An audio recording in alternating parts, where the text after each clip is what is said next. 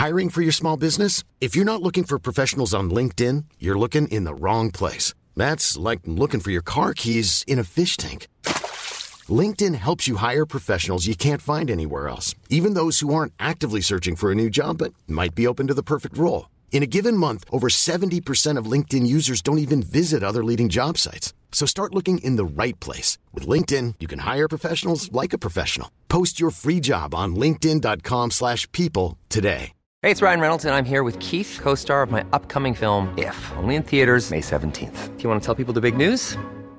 All right, I'll do it. Sign up now and you'll get unlimited for $15 a month in six months of Paramount Plus Essential Plan on us. Mintmobile.com slash switch. Upfront payment of $45 equivalent to $15 per month. Unlimited over 40 gigabytes per month. Face lower speeds. Videos at 480p. Active Mint customers by 531.24 get six months of Paramount Plus Essential Plan. Auto renews after six months. Offer ends May 31st, 2024. Separate Paramount Plus registration required. Terms and conditions apply if rated PG.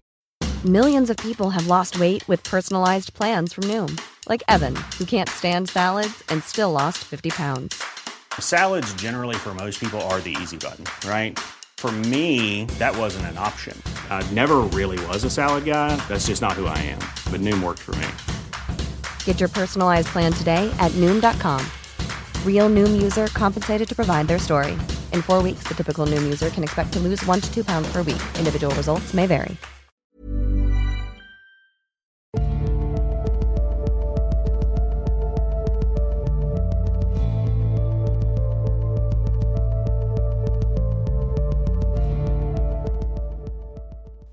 Hei og velkommen til Tåkeprat.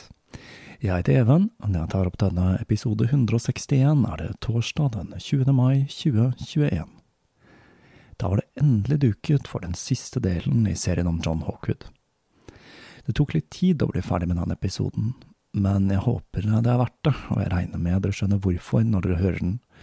For nå tar historien noen vendinger som gjør det hele til en formelig saus av intriger, forviklinger og vold. Tidligere har jeg syslet med ideen om å lage en serie om pavene, og det var spesielt Boja-familien som fanget interessen min. Sommeren for tre år siden brukte jeg, meg, brukte jeg på å sette meg inn i historien om den beryktede Lucretia Borgia, men det skulle vise seg at denne historien dreier seg langt mer om konflikter, intriger og rykter enn den klassiske giftmorderske historien. Det kan allikevel hende jeg tar for meg den på et senere tidspunkt, men etter å ha gjort meg ferdig med denne episoden, føler jeg meg ganske mett med paver for denne gang. For nå skal vi blant annet se litt nærmere på hvordan det gikk til at kirken endte opp med to paver, den ene mer forhatt enn den andre, og begge erklærte hverandre som antipaver. Og da tror jeg vi bare setter i gang, for her er det mye å ta tak i.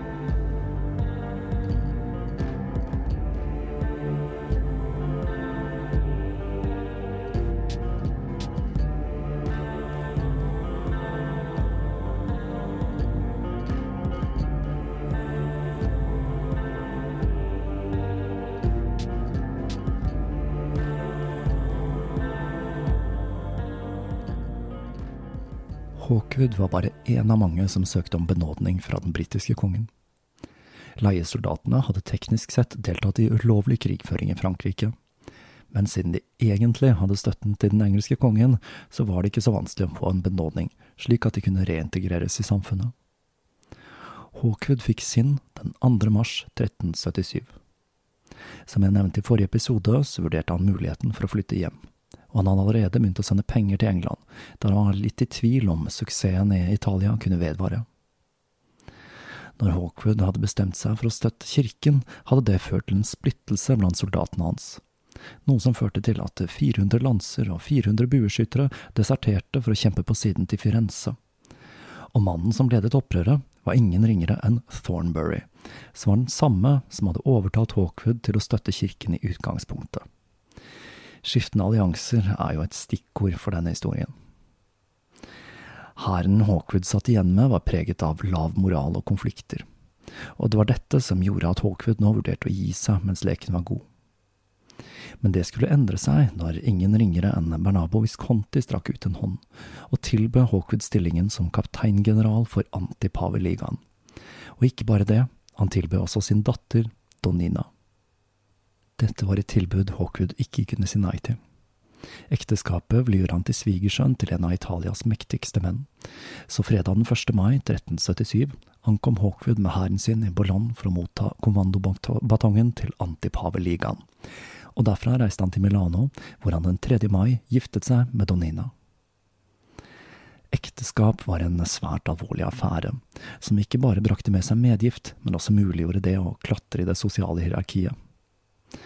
Barnabo fikk mye pepper nettopp fordi han hadde for vane å gifte vekk døtrene sine til beryktede menn, slik som Hawkwood.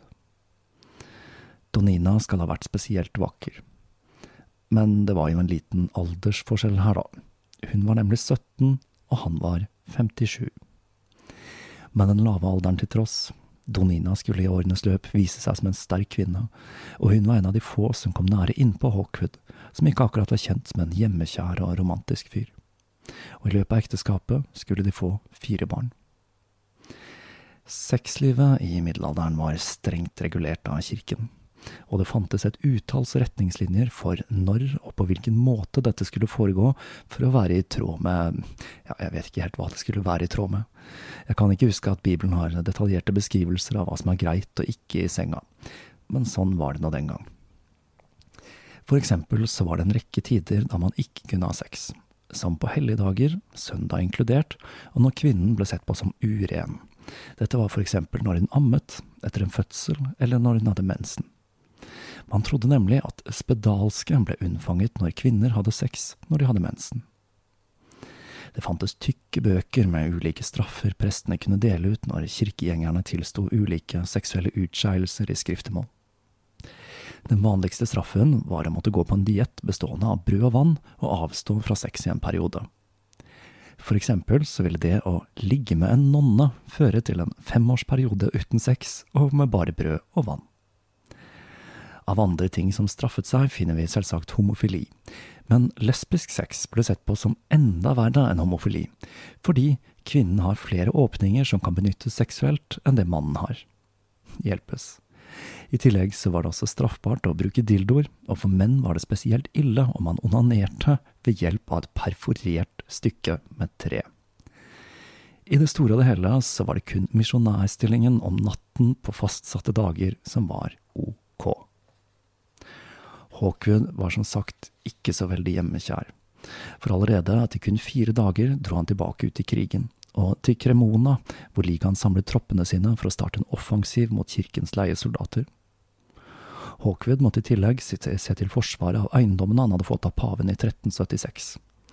Dette dreide seg om tre bosetninger, hvor Cotignola var det mest vesentlige, da byen skatta transport av salt fra Serbia. Salt var en ekstremt ettertraktet vare, og i en tid uten kjølemuligheter var det salt som gjorde det mulig å lagre kjøtt og fisk i lengre tid. Salt var så ettertraktet at det var en vanlig årsak til krig mellom de italienske bystatene. Hawkwood forsterket bosetningen med murer, og han bygde en festning omgitt av en dyp vollgrav. Etter å ha tatt seg av forsvaret i Concelis, den andre av de tre eiendommene, rettet han oppmerksomheten mot Bagna Cavallo, som allerede hadde dugelig forsvarsverk og han sendte bud etter Donina, som skulle bosette seg der, i et festningsverk som neppe var et spesielt komfortabelt sted å bo. Men Donina hun var vant til den militære livsstilen på grunn av oppveksten med sin far, og hun tok raskt styringen i sitt nye hjem. Kvinnene hadde ansvaret for hjemmet, og Donina trengte neppe å gjøre spesielt mye husarbeid, da hun hadde tjenere og slaver.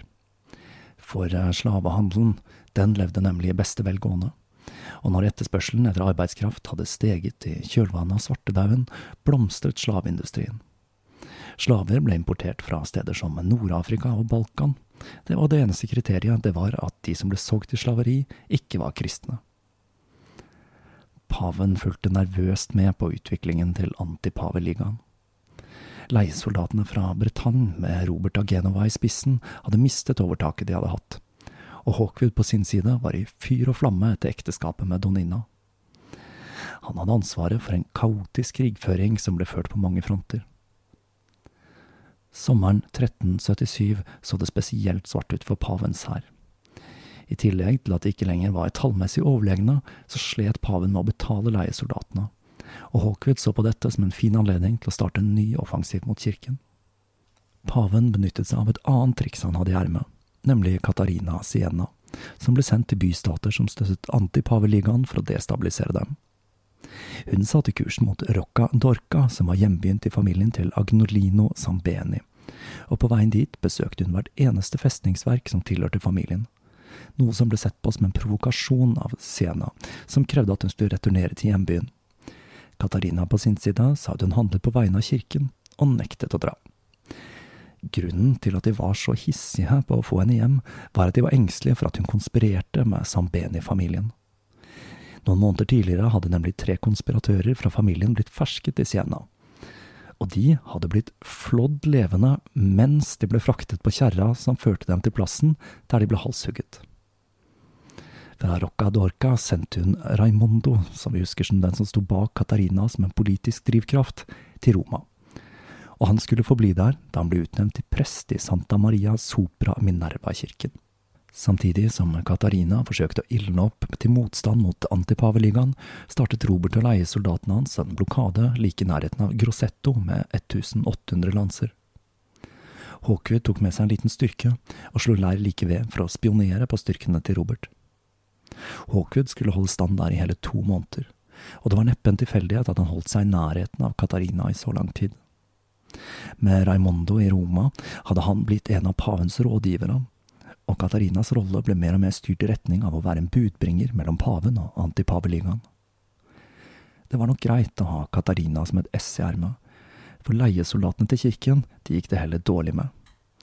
De var lei av ikke å få betalt, og misfornøyde soldater deserterte, så Robert kun satt igjen med en tredjedel av den opprinnelige styrken noe som er med på å forklare hvorfor paven stadig sendte flere sendebud til Hawkwood sin leir.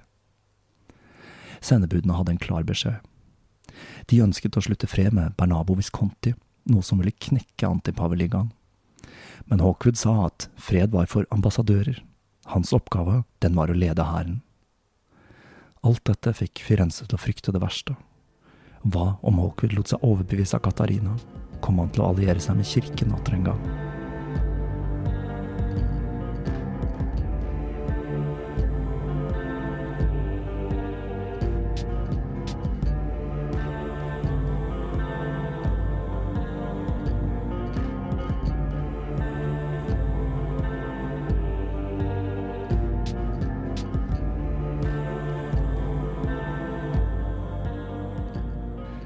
Hadde i det aller lengste forsøkt å styre unna Hawkwood, men nå innså de at han var deres eneste håp for å komme seirende ut av situasjonen.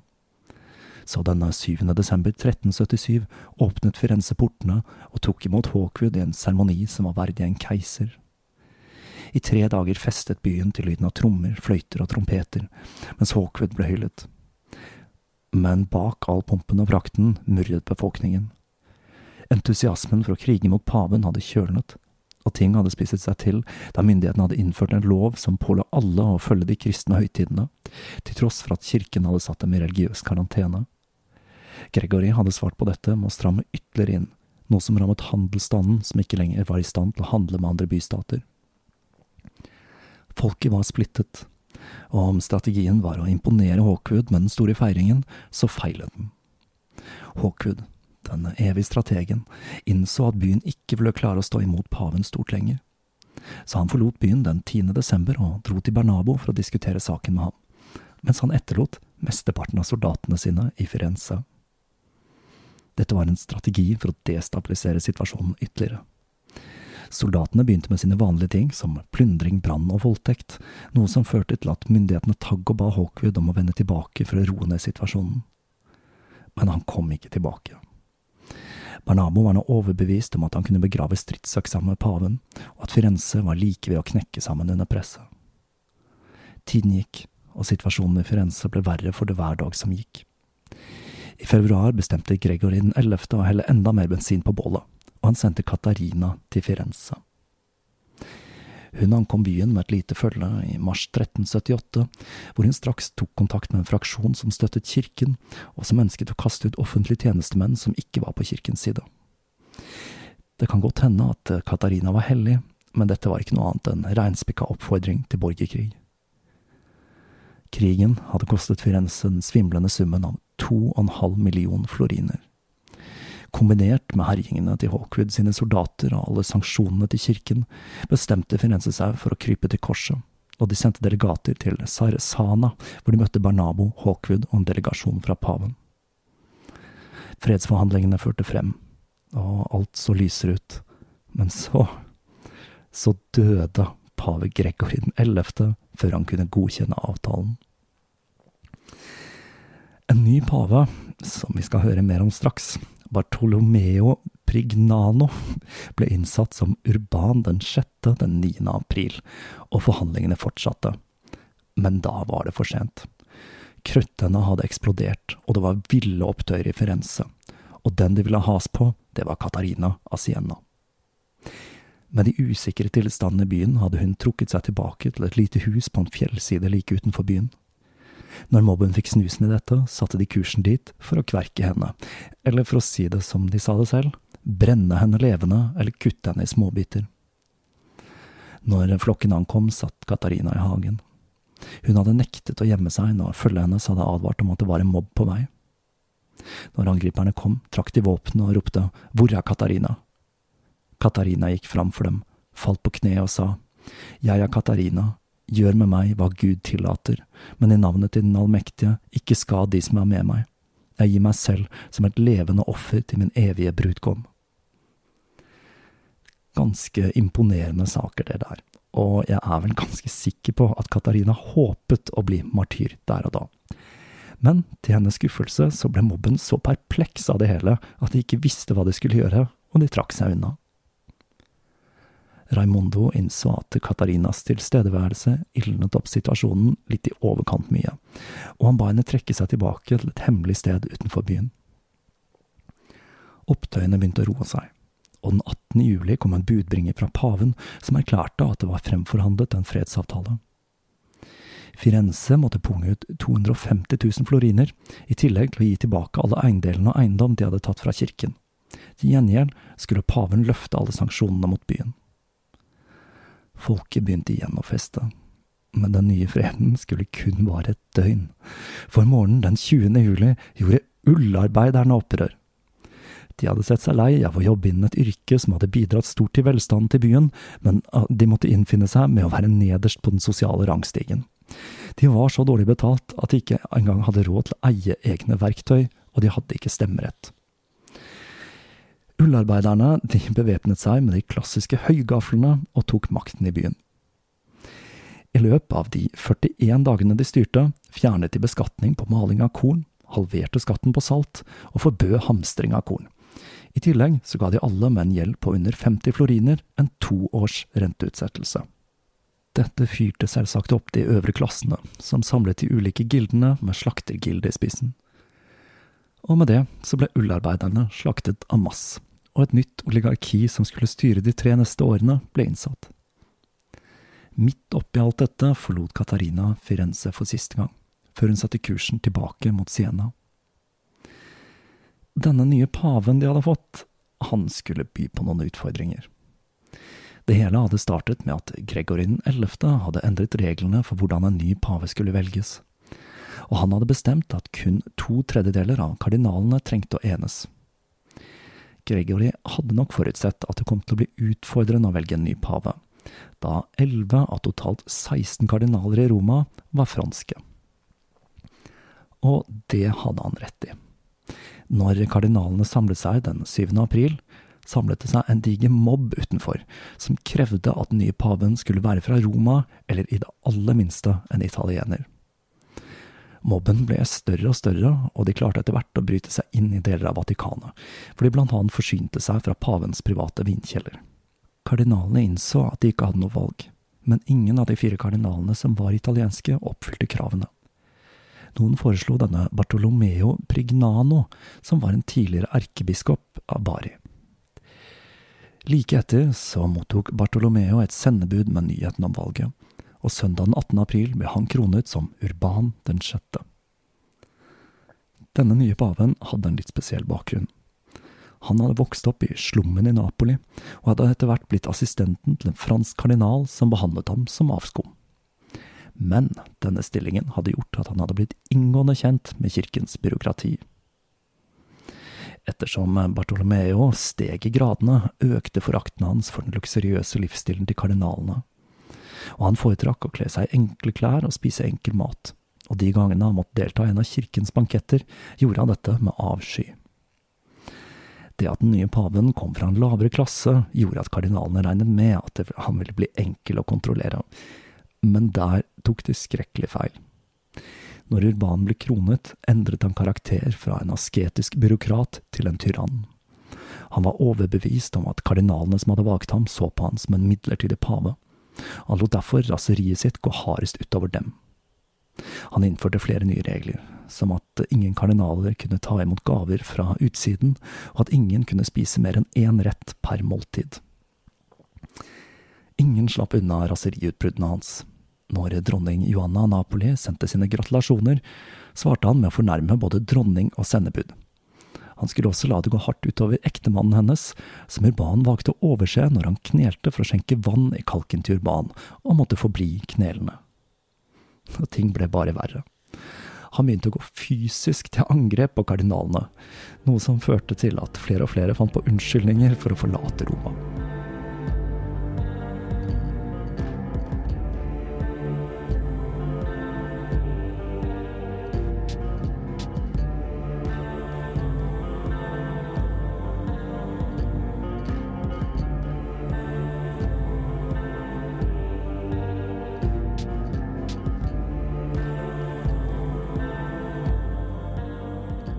Så skjedde noe litt underlig, og det er litt usikkert hvem eller hva som startet det hele.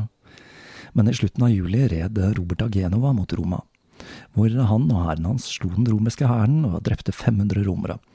Og så, den 20. september, ble det valgt en ny pave, som ble kronet en måned senere som Clemet den 7. Og denne paven var ingen ringere enn Robert av Genova selv. Mannen som sto bak massakren i Cesena, og som i tillegg var i slekt med flere av de store kongehusene i Europa. Det å velge en mann som var så forhatt som Robert til pave, var minst like vilt som valget av Bartolomeo, og nå var forvirringen total. Katarina bestemte seg for å støtte Urban, og i kjølvannet av det hele brøt ut blodige opptøyer i Roma. Etter å ha erklært hverandre for antipaver, begynte de å legge ut en strategi for hvordan de skulle få has på hverandre.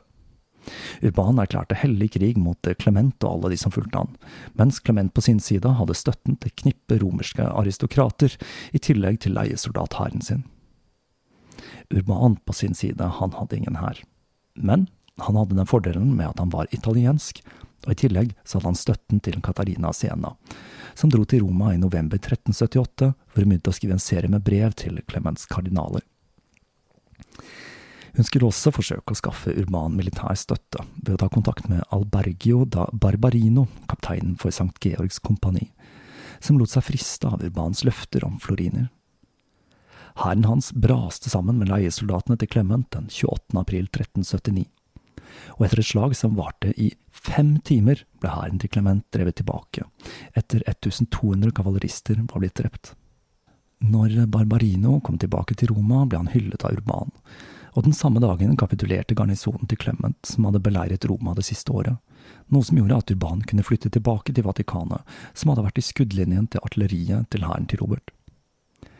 Pave Clement den sjuende hadde nå ingen viktige allierte igjen, bortsett fra dronning Johanna av Napoli, som var av fransk slekt. Hun inviterte ham til hoffet sitt, men når han kom dit, så ble folket så provosert at de gjorde opprør, og han måtte flykte til Avignon. Urban hadde nesten full kontroll over hele Italia. Men fordi han hadde valgt å fornærme Johanna og mannen hennes, så støttet de Asa Clement, noe som førte til at Urban kom med en ny tirade, der han sa at hun som kvinne var uskikket til å styre, og han truet med å sende henne til et kloster. Han ekskommuniserte henne, og begynte å alliere seg med slektninger som ønsket å kaste henne av tronen. Urban hadde enda et ess i ermet, og det var selvfølgelig Katarina av Siena, som han planla å sende til Napoli for å destabilisere staten. Men det harde livet til Katarina hadde tatt på, og hun var nå så syk at hun ikke engang var i stand til å ta til seg vann. Og den 29. april 1380, tynn som et aspeløv, forlot hun vår verden i en alder av 33 år. Hennes siste ord var blod, blod. På det vanlige viset ble liket hennes delt, og delene ble fordelt til ulike kirker. Hodet hennes havnet for eksempel i basilikaen til San Domenico i Siena. Urban hadde mistet et av sine viktigste strategiske våpen, så han så seg nødt til å koke i hop en ny plan. Han inviterte Charles Durasso, som var en utfordrer til tronen i Napoli, til Roma. Han lovte at, lovte at han skulle bli kronet til konge i bytte mot fyrstedømmet han regjerte, og det tok ikke så lang tid før han bestemte seg for å takke ja til tilbudet, og bli spydspissen i Urbans hellige krig. Den 2. juni 1381 ble han kronet til konge over Napoli i Roma, og like etter så satte han kursen mot sitt nye kongedømme. Konflikten mellom de to pavene åpnet også opp for internasjonal konflikt. England støttet eksempel umiddelbart Urban, noe som førte til at Hawkwood ble plutselig en enda viktigere spillebrikke i internasjonal politikk. Og den 5. mai 1381 ble han utnevnt til Rikard 2.s ambassadør i Roma. Dette var veldig beleilig for Hawkwood, som hadde havnet i klinsj med Bernabou etter Bernabou etter sigende var så misfornøyd med innsatsen hans i kampen mot Verona at han erklærte at alle som drepte eller tok til fange en soldat fra det engelske kompaniet, skulle få 30 floriner. Med dette anså Hawkwood samarbeidet som avsluttet, og han dannet et kompani bestående av 1200 lanser som brukte If you thought the only way to get a more defined jawline with natural looking results was through surgery, think again. Juvederm Volux XC is a non surgical injectable gel filler that improves moderate to severe loss of jawline definition and can help you achieve natural looking results with little downtime. Even better, this improved definition lasts up to one year with optimal treatment. No maintenance required. Improve jawline definition for a smooth, sculpted look with Juvederm Volux XC. For important safety information and to find a licensed specialist, visit juvederm.com. That's J U V E D E R M.com. Not for people with severe allergic reactions, allergies to lidocaine, or the proteins used in Juvederm. Common side effects include injection site redness, swelling, pain, tenderness, firmness, lumps, bumps, bruising, discoloration, or itching. There's a risk of unintentional injection into a blood vessel, which can cause vision abnormalities, blindness, stroke, temporary scabs, or scarring. Talk to a licensed specialist to find out if it's right for you. I'm Sandra, and I'm just the professional your small business was looking for. But you didn't hire me because you didn't use LinkedIn jobs. LinkedIn has professionals you can't find anywhere else, including those who aren't actively looking for a new job but might be open to the perfect role, like me. In a given month, over 70% of LinkedIn users don't visit other leading job sites. So if you're not looking on LinkedIn, you'll miss out on great candidates like Sandra. Start hiring professionals like a professional. Post your free job on linkedin.com slash people today. De neste to årene på herje Toskana. Samtidig som Donina fødte ham to døtre, Jeanette og Katarina, begynte kostnadene med å forsvare eiendommene hans å bli i overkant høye. Så etter å ha pantsatt disse, søkte han om å få bosette seg i Firenze. Men som vanlig var ikke de superbegeistret for å ha med Hawkwood å gjøre. Men til slutt så kom de med et kompromiss. Han skulle få bosette seg der så lenge han ikke gjorde det innenfor bymurene. Eiendommen han fikk, var San Donato i Polverosa vest for byen. Dette var en stor eiendom med en rekke bygninger, gårdsplasser, hager, dueslag, trær, vingård, tjenesteboliger osv. Med nye og billigere boforhold for familien forberedte Hawkwood seg igjen på krig. Den 31. juli 1382 skrev Urban til Firenze og spurte om han kunne få låne tjenestene til den noble ridder John Hawkwood og 600 lanser. Dette var mest en formalitet, da Firenze fremdeles skyldte paven enorme summer etter fredsavtalen, og beløpet for å leie Hawkwood skulle trekkes fra denne gjelda. Dronning Johanna, som hadde regjert i 40 år, var lite lysten på å gi fra seg makten men til tross for at hun hadde vært gift hele fire ganger, så forble hun barnløs. Så hun trengte et alternativ til Charles Duraceau, som var på vei med pavens hær. Hun bestemte seg for at en slektning, Louis Dagnot, som var broren til den franske kongen, samt fetteren til Clement 7., var et godt valg. Så hun sendte bud på ham. Og med det begynte kampen mellom de to pavene i Napoli. Problemet var at denne Louise var veldig treig og det ga Duraceau nok tid til å beleire byen. Johanna lot alle innbyggerne søke tilflukt i slottet hennes, og det førte til at hun gikk tom for forsyninger og måtte overgi seg i august 1382. Johanna ble henrettet. Ifølge en historie ble hun kvalt med en silkesnor før liket hennes ble lagt i spott og spe på markedsplassen. Når Louise endelig kom fram, ble han angrepet av Hawkwood, som jaget hæren hans på flukt, og tok til fange en rekke napoleanske adelsmenn som hadde støttet Louise. Med Charles Durasaux innsatt som konge og Johanna død, var Urban på høyden av sin makt. Men han var ikke fornøyd. Som en del av avtalen hadde paven forlangt at Durasaux skulle gi ham en rekke eiendommer som han igjen skulle gi til sin nevø. Men når han først ble satt på tronen, så likte han ikke denne ideen. Mens den alltid ustabile Urban bestemte seg for at dette var en bakketopp han ville dø på. Så han samlet seg en hær med leiesoldater og forlot Roma sammen med alle kardinalene i april 1383 for å ta kontrollen over Napoli. Han kom helt til Aversa, som ligger åtte kilometer fra Napoli, men der lå Durasso i bakhold. Paven ble tatt til fange, og til slutt måtte han gi seg og gå med på at Durasso skulle få beholde eiendommene for seg selv. Men det ble han satt fri og fikk komme inn i Napoli. Men dette oppholdet skulle bli litt spesielt. Her er det en historie som forteller om en Francis, eh, Francesco Prignano, som var en mann følge til paven, som ble beskrevet som tjukk og uintelligent. Han kidnappet en adelskvinne fra et kloster i nærheten og låste seg inn i et hus hvor han voldtok henne, beskyttet av pavens leiesoldater. Når slektningene klagde til paven, svarte han at han er bare en unggutt, mens denne Francesco i virkeligheten var 40 år gammel. Normalt reiste paven og hoffet til kjøligere steder på sommeren, som Wittebro. Men denne sommeren bestemte han seg en eller annen grunn for å dra sørover.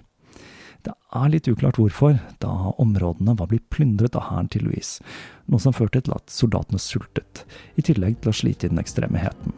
Og det hele endte med at Louise døde i september.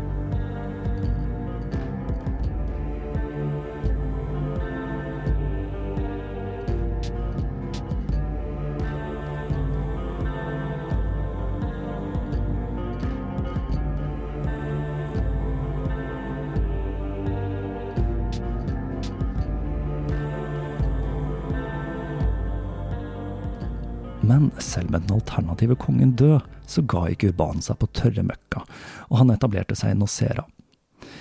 Alt dette, kombinert med de stadig hyppigere raseriutbruddene, gjorde at det begynte å murre blant hoffet hans, og det ble snakk om at han burde brennes som kjetter. Planene ble lagt for å ta Urban av dage, men de seks kardinalene som konspirerte, ble oppdaget, og de ble torturert til de tilsto. Nå var det full krig mellom Urban og Durasso og Urban ekskommuniserte kongen han selv hadde innsatt, og erklærte at hans egen nevø var en aktuell kandidat til tronen. Durasso svarte med å sende en hær til Nocera, og utlyse en dusør på 10 000 floriner til den som kunne få has på paven. Når hæren kom, benyttet Urban anledningen til å stå i et vindu i borgen han var i, med en bjelle, bok og lys, mens han forbannet hæren nedenfor og ekskommuniserte hver eneste mann. Dette gjorde han tre til fire ganger om dagen, utrolig nok uten å bli truffet av en eneste pil. Men beleiringen varte og rakk, til tross for Urbans daglige opptredener, og etter seks måneder så falt Nocera. Borgen til Urban klarte å holde stand, men forsyningene begynte å ta slutt, og Urban ble smuglet ut av festningen den 5. juli 1385 og satte kursen mot kysten, hvor dorsen av Genova hadde lovet å stille med en flåte. Med de seks torturerte kardinalene i lenker la han i vei. Den ene av kardinalene, biskopen av Aquilla, orket ikke å gå mer, så han ble myrdet langs veien. Når de endelig nådde kysten, var det ingen båter å se, og leiesoldatfølget til paven, som enda ikke hadde fått betalt, ga opp og deserterte. Men Urban, han ga ikke opp, og han krysset fjellene for å komme til østkysten. Flåten hadde nemlig ikke klart å ta seg inn i områdene til Napoli, og den ventet nå i Adriaterhavet. Urban var en stabeis, for han klarte å ta seg fram til redningsmennene. Men når de så tilstanden til de resterende fem torturerte kardinalene, sendte de beskjed i forveien til Genoa. Så når Urban ankom, så hadde de lagt en plan for å redde kardinalene. Men denne veilet, og Urban reagerte med å myrde de siste fem som hadde overlevd flukten fra Napoli. Denne konflikten mellom de to pavene var en gylden mulighet for mange til å dra i gang gamle konflikter og skaffe seg mer makt. Og for leiesoldatene var konflikten spesielt innbringende. Hawkwood kjempet ikke bare i sør, men over hele Italia. Noen ganger som kapteingeneral for Firenze, men han hadde også blitt kaptein for Rosekompaniet, et gigantisk leiesoldatkompani som besto av leiesoldater fra England, England, Italia og Bretagne.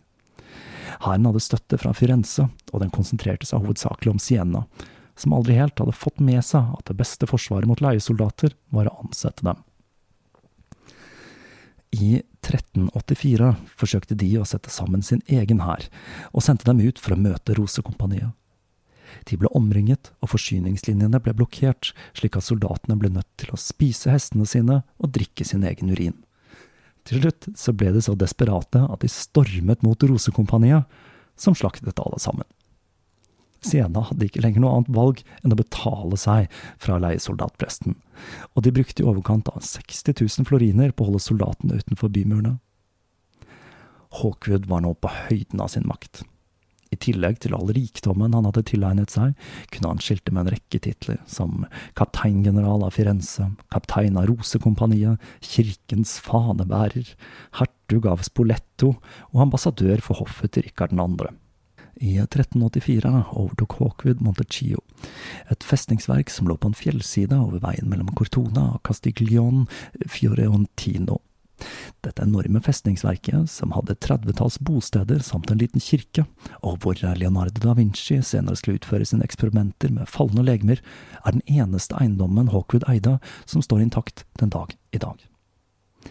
Samtidig så gikk det bra på hjemmefronten, og Donina fødte dem en tredje datter i 1381.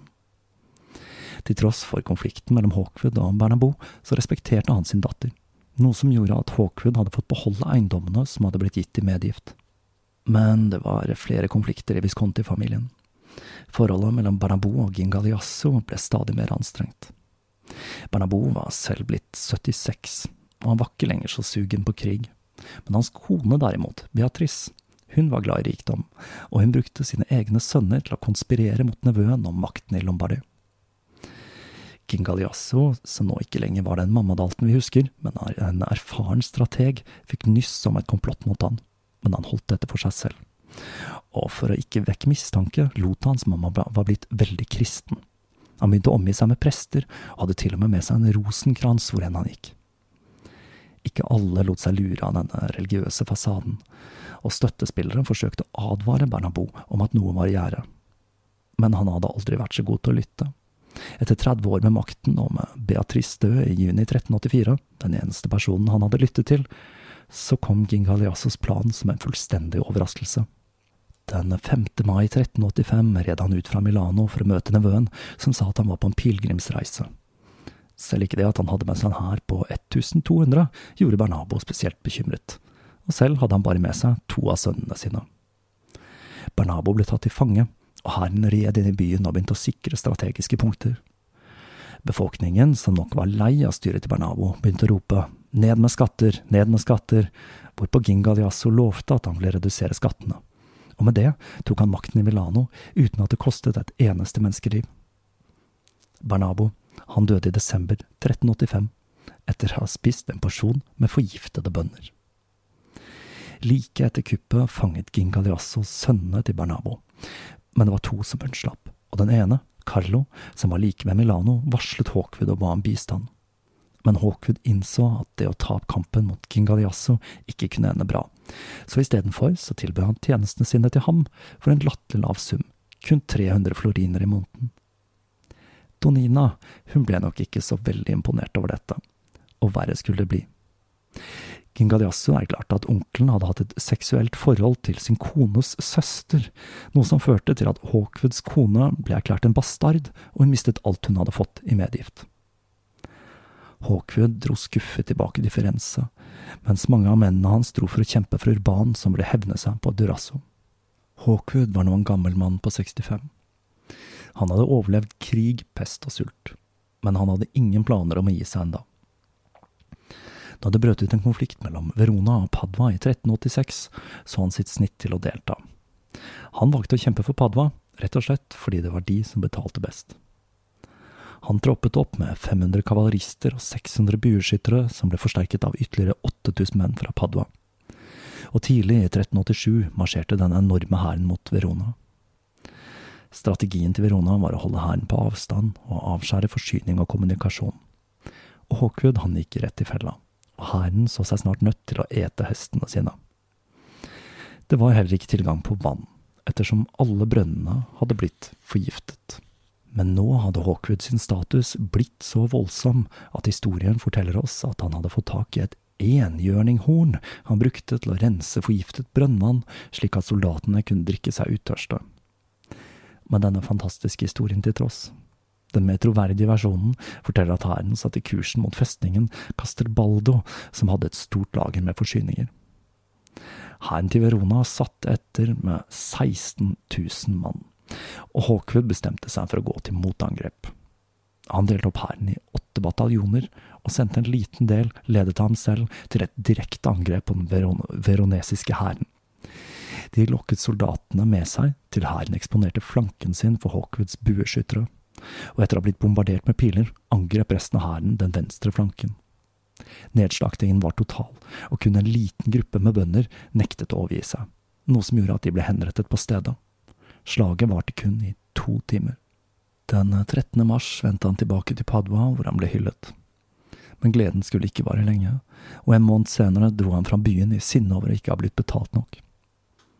Tilbake i Firenze begynte han å selge eiendommene sine. Hawkwood var nemlig blitt tynget i gjeld. Det er ganske utrolig at mannen som tilsynelatende veltet seg i rikdom, nå var blakk.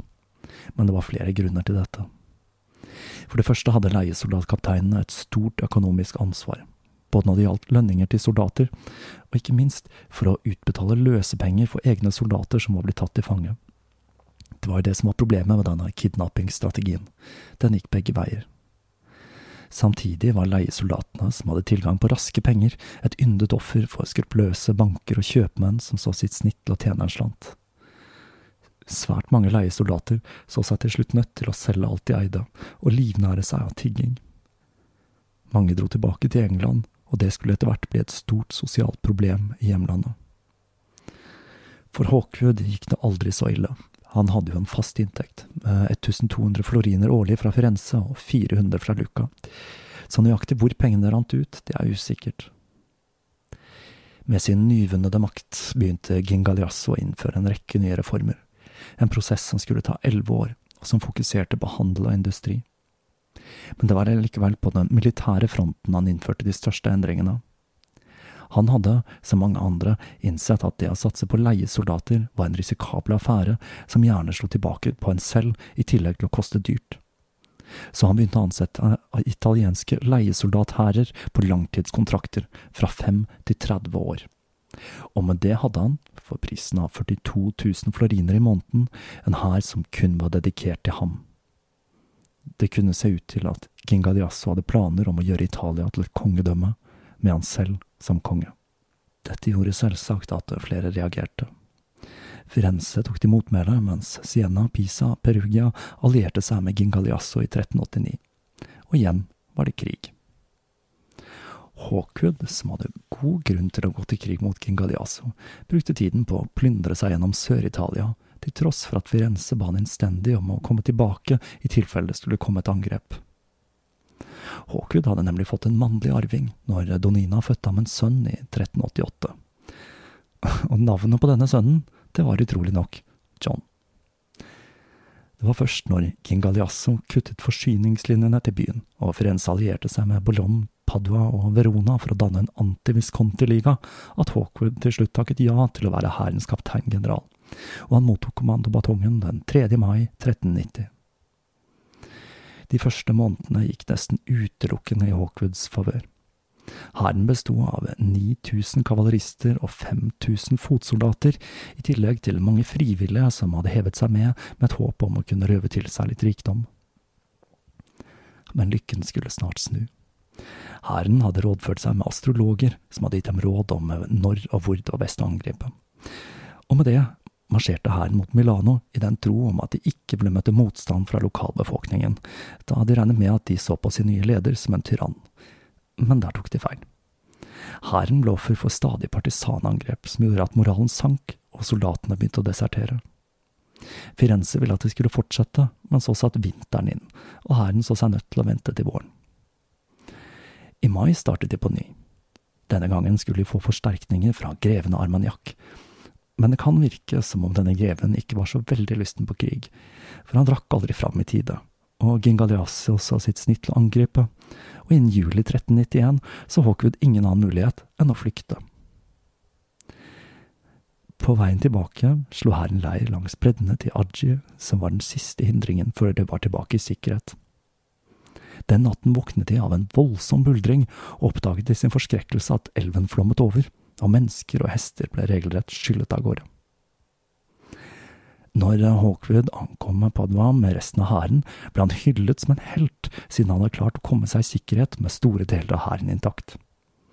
Dette skulle utrolig nok bli en hendelse som gjorde Hawkwood til en nesten sekulær helgen. Det at han ikke hadde undersøkt områdene rundt leiren, noe som hadde ført til at han hadde oppdaget at soldatene til Gingaliasso var i ferd med å bryte demninger oppstrøms i elva, er ganske underlig, ettersom dette er en strategi han selv benyttet seg av flere ganger. Konflikten mellom Firenze og Gingaliasso skulle vare i et år til, med Hawkwood i spissen for kampanjen.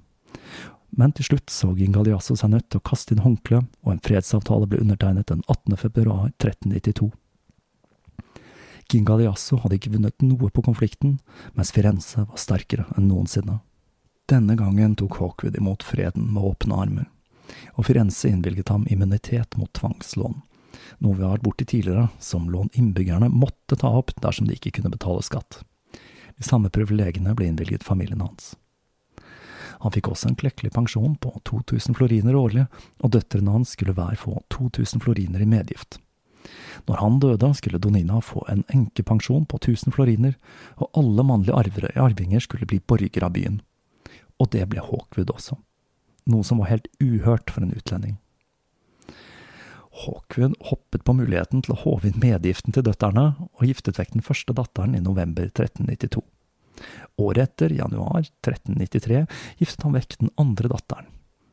Men under dette bryllupet skulle det vise seg at ikke alt sto så økonomisk bra til med familien, for de hadde nemlig ikke råd til brudekjole til datteren. Gjelden begynte igjen å tårne seg opp, og han hadde ikke lenger råd til å ta seg av familien. I februar 1394 ble det klart at Hawkwood var nødt til å selge unna det han eide. Mot å slippe unna gjeld sa han fra seg alle de gullkantede avtalene om pensjon og enkepensjon og den siste datterens medgift. I tillegg solgte han unna de siste eiendommene sine for en brøkdel av hva de var verdt. Men det var ikke kun gjeld som drev ham. Det er ting som tyder på at Hawkwood langt fra var så blakk som han ga inntrykk av. Hawkwood var gammel og sliten, og han hadde lyst til å dra tilbake til hjemlandet han hadde forlatt for 30 år siden, og han hadde sendt penger tilbake dit i lengre tid. Siden han hadde forlatt England som en soldat uten titler og meritter, ville han vende hjem som en legende som var blitt en viktig spillebrikke i europeisk politikk. Og han hadde ingen planer om å etterlate familien med ingenting. Han ønsket derimot at de skulle flytte tilbake til England med ham og forvalte eiendommen hans der. Men så ble han syk og natt til den 18. mars 1394 døde John Hawkwood, 74 år gammel. Begravelsen hans var så storslagen at den i seg selv ble en legende. Fulgt av et følge bestående av alt som kunne krype og gå av betydningsfulle personer i Firenze, fra kjøpmenn til kirke, samt hans egne soldater på stridshester, ble han ført til kapellet der presten holdt en messe, etterfulgt av en preken om Hawkwoods største bragder. Med ektemannen død var det ikke stort igjen for Donina i Firenze, og det ser ut til at hun planla å dra til England. Firenzes ledelse skrev til Richard, som svarte at hun var velkommen, og at han gjerne ville ha de jordiske levningene til Hawkwood.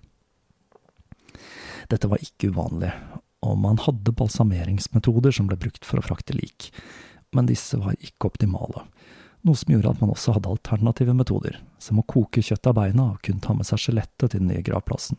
For Hawkwood sin del så ble han kremert og lagt i en sarkofag og gravlagt i Italia.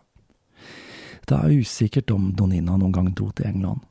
Det er mulig hun dro dit, men ikke kunne bevise eierskapet til eiendommene, siden Hawkwood ikke hadde etterlatt et testamente. Men hun endte i alle fall opp med å flytte til utkanten av Milano. Med Hawkwood død så hadde ikke Gingaliasso noe imot dette, og hun fikk tilbake medgiften han hadde tatt fra henne tidligere. Sønnen John forsøkte seg først som leiesoldat, før han dro til England og bosatte seg i Essex, hvor han overtok styringen av sine fars eiendommer. Han giftet seg, men skulle forbli barnløs fram til sin død. Og med det døde den siste John, sønn av John, bror til John, sønn av John. Men en legende var født.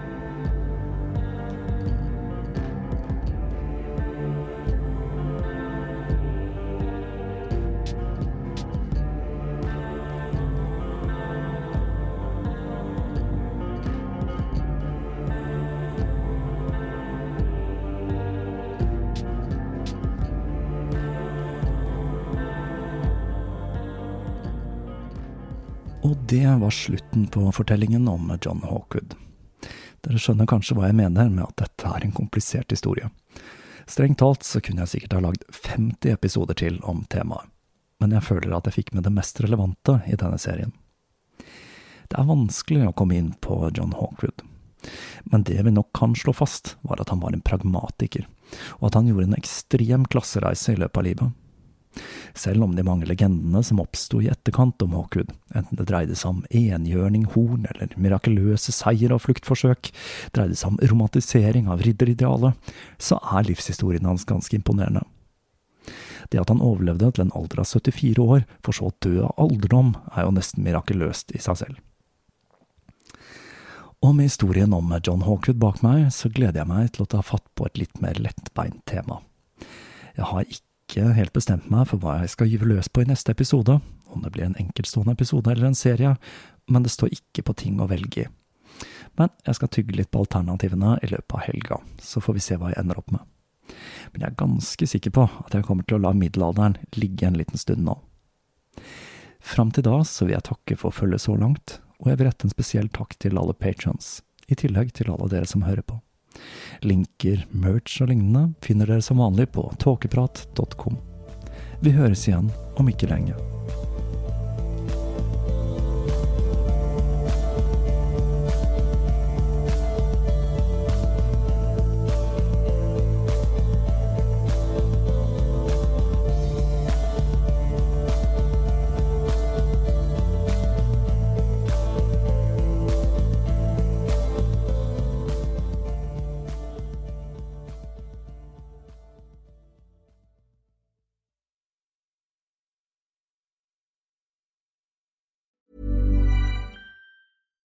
Hey, it's Paige DeSorbo from Giggly Squad. High quality fashion without the price tag. Say hello to Quince. I'm snagging high-end essentials like cozy cashmere sweaters, sleek leather jackets, fine jewelry, and so much more. With Quince being 50 to 80% less than similar brands. And they partner with factories that prioritize safe, ethical, and responsible manufacturing. I love that. Luxury quality within reach. Go to quince.com slash style to get free shipping and 365 day returns on your next order. Quince.com slash style.